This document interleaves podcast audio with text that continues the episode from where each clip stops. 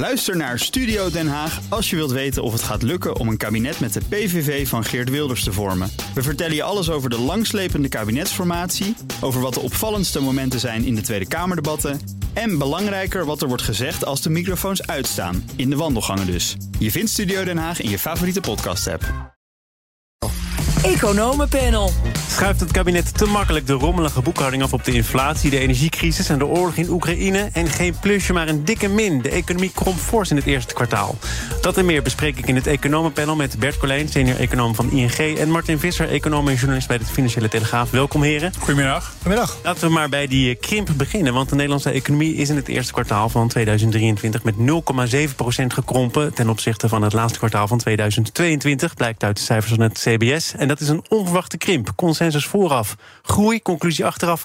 Stevige krimp. Martin, wat is daar gebeurd? Ja, nou, ik heb uh, toen dit nieuws naar buiten kwam... Een, een, de nodige bankeconomen gesproken... die nogal in verwarring waren over wat hier in hemelsnaam is gebeurd. Nee, ik denk, ik begin ook bij jou, want ja. Bert is nog steeds confuus. ja, die zijn helemaal, helemaal, helemaal confuus. Ja, ja ik, ik, zit gelukkig niet in het vak van voorspellingen doen... dus ik kon er ook niet naast zitten. Dus dat is dan weer een beetje veilig, zeg maar. Nee, wat, uh, wat opvallend is, is niet alleen die krimp in het eerste kwartaal... die in omvang echt ongekend is. Dat heb je normaal gesproken echt bij dikke economische crisis. Dus de verwachting is dat het eenmalig zo heftig is. Maar opvallend is ook dat de voorgaande kwartalen allemaal naar beneden zijn bijgesteld. Dus eigenlijk het hele beeld over de economie van de afgelopen nou, drie, vier kwartalen misschien wel, is dat de economie eigenlijk al in een soort vorm van stagnatie terecht was gekomen. Terwijl wij dachten dat, dat consumenten tegen de klippen op, tegen de inflatie op, maar bleven spenderen. Ja, dat blijkt allemaal net even een tandje minder te zijn. De grote boosdoener in dit kwartaal was overigens wel vooral de export. Exporterende bedrijven hebben toch echt wel last van de afkoelende wereldeconomie. Ja, en, en voorraadeffecten, Bert. Moet je even uitleggen, waar gaat het dan over? Ja, nou dat is natuurlijk eigenlijk dat er voorraden die zijn opgebouwd. Dat is in de loop van vorig jaar is dat sterk gebeurd... omdat we allemaal met die supply chain problemen te maken hadden. Uh, en hele sterke vraag. Dus bedrijven dachten, nou, hoe meer we vast klaar kunnen zetten, hoe beter. Want we kunnen het niet just in time leveren met al die verstoringen die we zien. Nou, de verstoringen die zijn inmiddels redelijk opgelost. En we zien tegelijkertijd dat de consument dus eigenlijk minder aan het uitgeven is. Hand een beetje meer op de knip. Nou, dat viel ook wel mee in het eerste kwartaal trouwens. Hele kleine groei. Nog steeds zijn, niet, zijn niet meer gaan uitgeven. Het precies, uh, precies, een soort uh, stagnatie daarin. Nou, maar dat geeft natuurlijk wel aan dat die bedrijven met al die spullen... die denken nu natuurlijk van, nou, we gaan niet uh, daar extra aan, aan produceren. We gaan eerst dat wat afbouwen. En dat heeft negatieve impact op de, op de economische activiteit. Maar wat is nu jullie beeld? Hè? We weten nu dat het eerste kwartaal, dat viel niet mee. Er was een stevige krimp te noteren, 0,7. Wat is nu jullie beeld van van de stand van de economie. Draait het nog wel of is er een stevige kink in de kabel gekomen? Nou, het, het, het, draait gewoon minder sterk dan we in eerste instantie gedacht hadden. En wat, wat Martin zegt, is eigenlijk het is een beetje een soort, een beetje een soort reality check eigenlijk die we hier krijgen. Heel veel landen hebben flink last gehad van de hoge inflatie. Hebben gezien dat dat een rem op de consumptie gezet heeft. En we zien dat Nederland toch een beetje, ja, dat wij toch niet echt de Asterix en Obelix zijn die als enige uh, de Romeinen weten buiten te houden. Uh, wij hebben ook last van deze problemen. Um, en daardoor komen we ietsje meer in lijn met wat er eigenlijk in de rest van Europa al een aantal kwartalen aan de hand is. Dus het, is, het geeft een beetje een beeld van, nou ja, uh, we doen het eigenlijk nog steeds, als je het sinds corona bekijkt, nog steeds zijn we veel sneller hersteld dan de rest van Europa. Maar um, het is niet zo dat we immuun zijn voor de problemen die we eigenlijk overal zien spelen. Martin? Nou ja, het is ook wel goed om inderdaad het beeld van een aantal jaren op een rij te zetten. En dan is het natuurlijk wel nog steeds zo dat Nederland heel snel is hersteld van de coronacrisis. En als je gewoon de omvang, de groei van de totale omvang van de economie gewoon over een aantal kwartalen sinds de coronacrisis op een rij zet, dan zit Nederland echt nog in de, in de bovenste league, zeg maar, vergeleken met heel veel landen om ons heen. Het is alleen net allemaal een tikje minder dan we tot nu toe dachten. Dus in die zin is het een opvallend slecht cijfer, maar niet meteen heel erg slecht nieuws. En van belang is ook, dat maakt de duiding van die stand van de economie ook zo ingewikkeld. Dat dit, bedoel, die extreme inflatie, de zorgen over koopkracht en nu dit tegenvallende cijfer wijzen op uh, een soort crisisgevoel. Maar tegelijkertijd uh, liggen er banen voor het oprapen. Uh, zijn er nog hartstikke vacatures, grote krapte op de arbeidsmarkt. Dus wil het echt crisis worden, hoort daar natuurlijk ook wel reorganisaties en massa-ontslagen bij. En daar zitten we helemaal niet. Ik heb hem dus... ook wel anders horen uitleggen, namelijk van Nick Vrieselaar van Rabobank. Die zei: Ja, die arbeidsmarkt is zo krap probeer nog maar eens iemand te vinden. En als je niemand kunt vinden, probeer dan nog maar eens te groeien.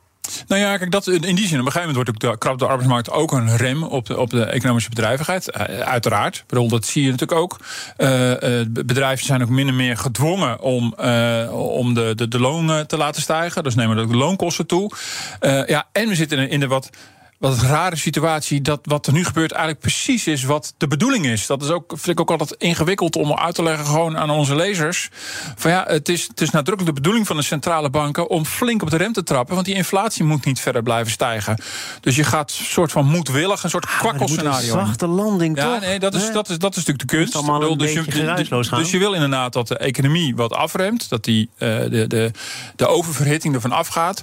Zonder dat je in die situatie komt dat er ontslagen gaan vallen. Nou, daar zijn we dus nog niet. Dus wellicht is dit die voorzichtige zachte landing. Gaat het volgens plan, Bert, als je dit zo'n beetje de laatste maanden... en die eerdere bijstelling naar beneden in ogenschouw neemt? Nou ja, kijk, als de arbeidsmarkt inderdaad goed blijft draaien. Maar goed, dan los je ook het, de krapte niet op. Hè. Dus dit, dit is altijd een beetje wrang van. eh, om dit soort dingen positief uit te leggen. Dat is, vind ik ook wel weer moeilijk. Want het is gewoon een, een slecht cijfer. wat we in het eerste kwartaal hadden.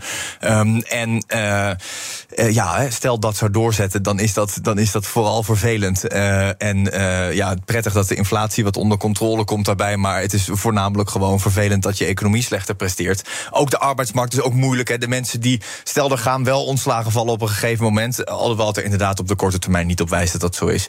Is het ook maar heel erg de vraag of dat dan precies de mensen zijn die ook nodig zijn op andere plekken. Dat is vaak ook niet zo. Dus je, hoeft niet te vrezen, macro. je hoeft niet te vrezen voor langdurige werkloosheid. En dat lijkt me wel een prettig besef. En eh, dat zou je zeggen, inderdaad, op het moment dat je met een, met een kortstondige recessie te maken hebt. Maar dat natuurlijk altijd is dat een beetje de vraag of dat, eh, of dat gaat lukken. Nou, waar lijkt het nu op op de korte termijn?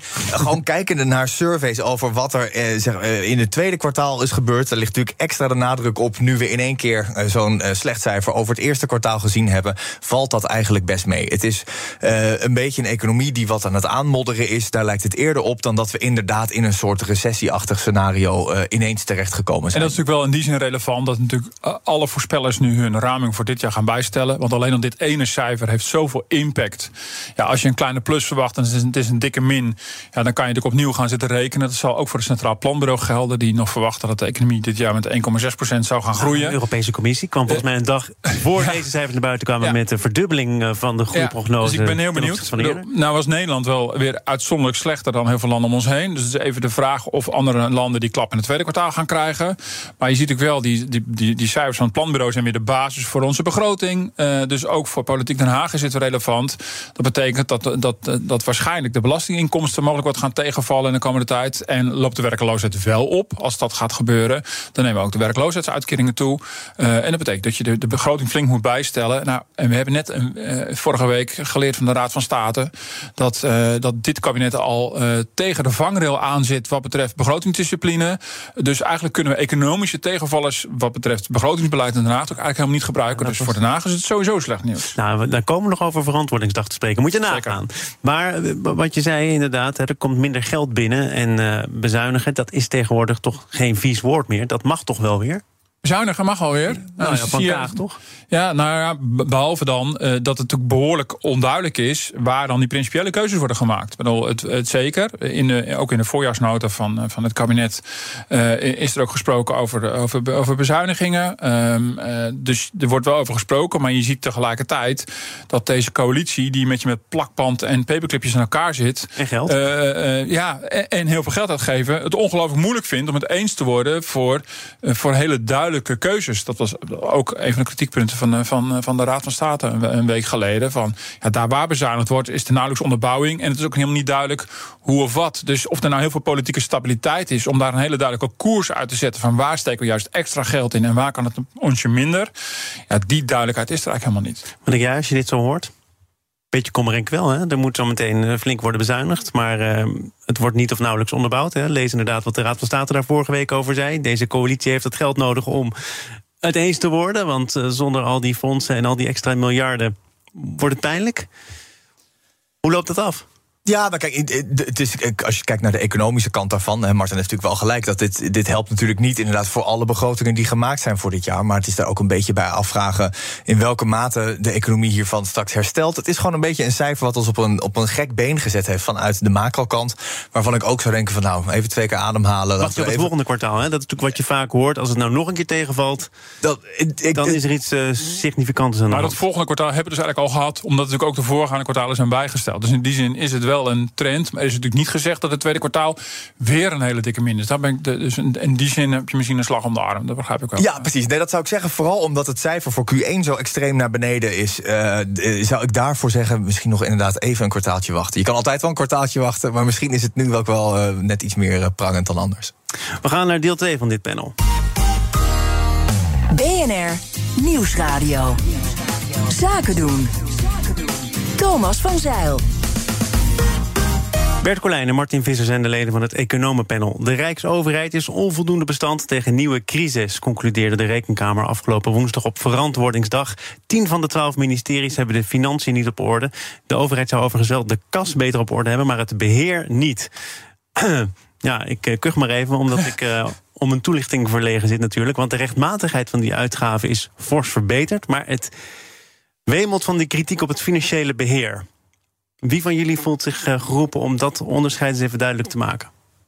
Nou, het gaat er voor mij om van of er al dan niet te veel geld wordt uitgegeven. Uh, en dat is een andere kas. Maar, maar de rekenkamer is er primair uh, voor bedoeld om te kijken. Maar dat wat uitgegeven wordt, is dat ook te, te, te traceren of dat juist verantwoord is. Of dat uh, goed ver, verantwoord is naar de Tweede Kamer toe. En goed, dat is ook de primaire taak van, van de rekenkamer. Dus ook een beetje onze nationale zeikert, moet ik ja, zeggen. Ja, ze komen, ze komen altijd met deze ja. kritiek. Behalve dat me nu wel opviel, dit was echt wel in de overtreffende trap. Waarbij uh, de veel ministeries niet voldoende in staat zijn om, om alle uitgaven precies te verantwoorden. Met specifieke uh, aandacht voor hoofdrolspeler VWS, volksgezondheid. Um, waar natuurlijk in coronatijd natuurlijk wel enige coulance was vanwege de hectiek en de crisis.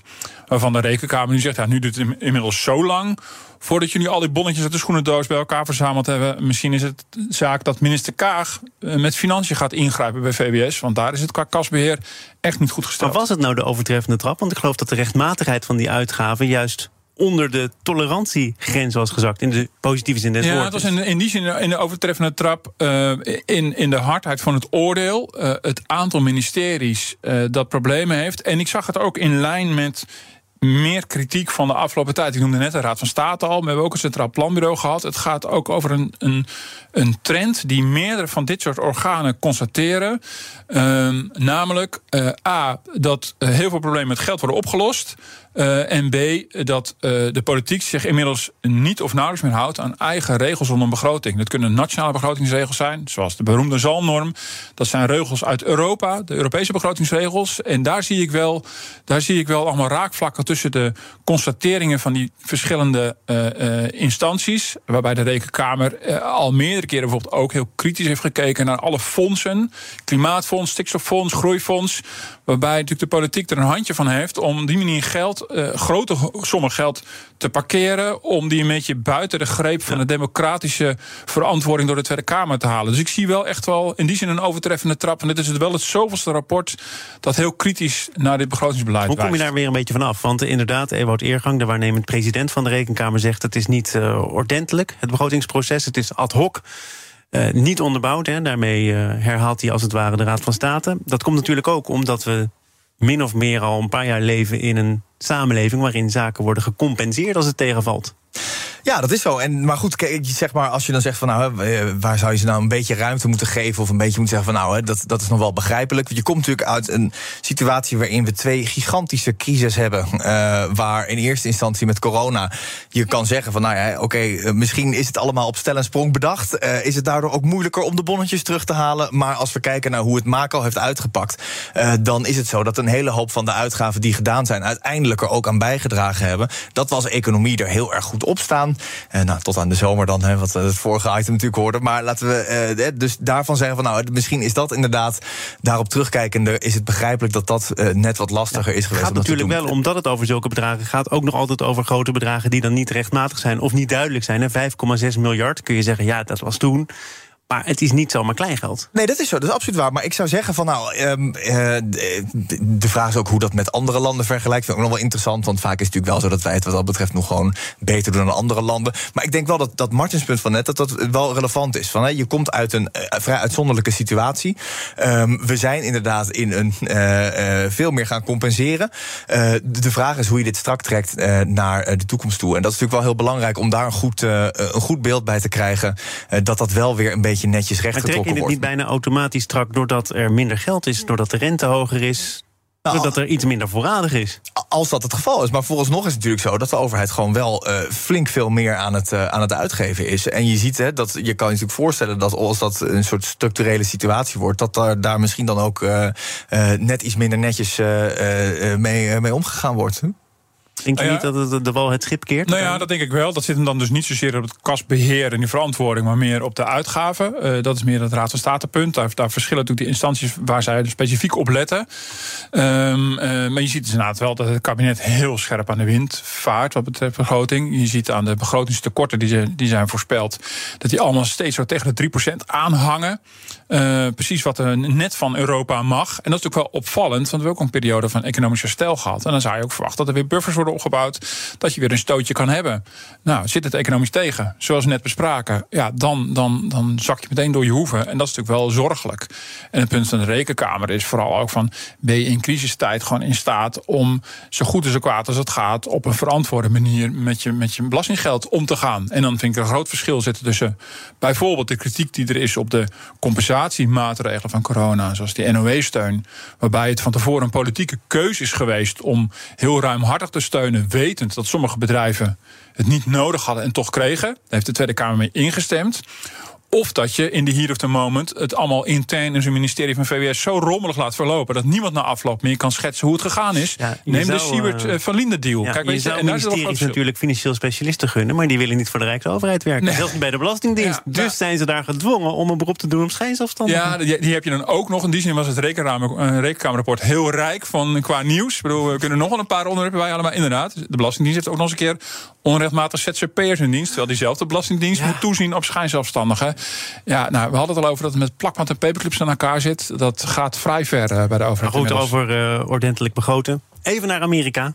Het schuldenplafond, de politieke deal rond het Amerikaanse schuldenplafond leek een stapje dichterbij, maar dit weekend staakte het overleg tussen de Democraten en de Republikeinen zonder concreet zicht op een hervatting.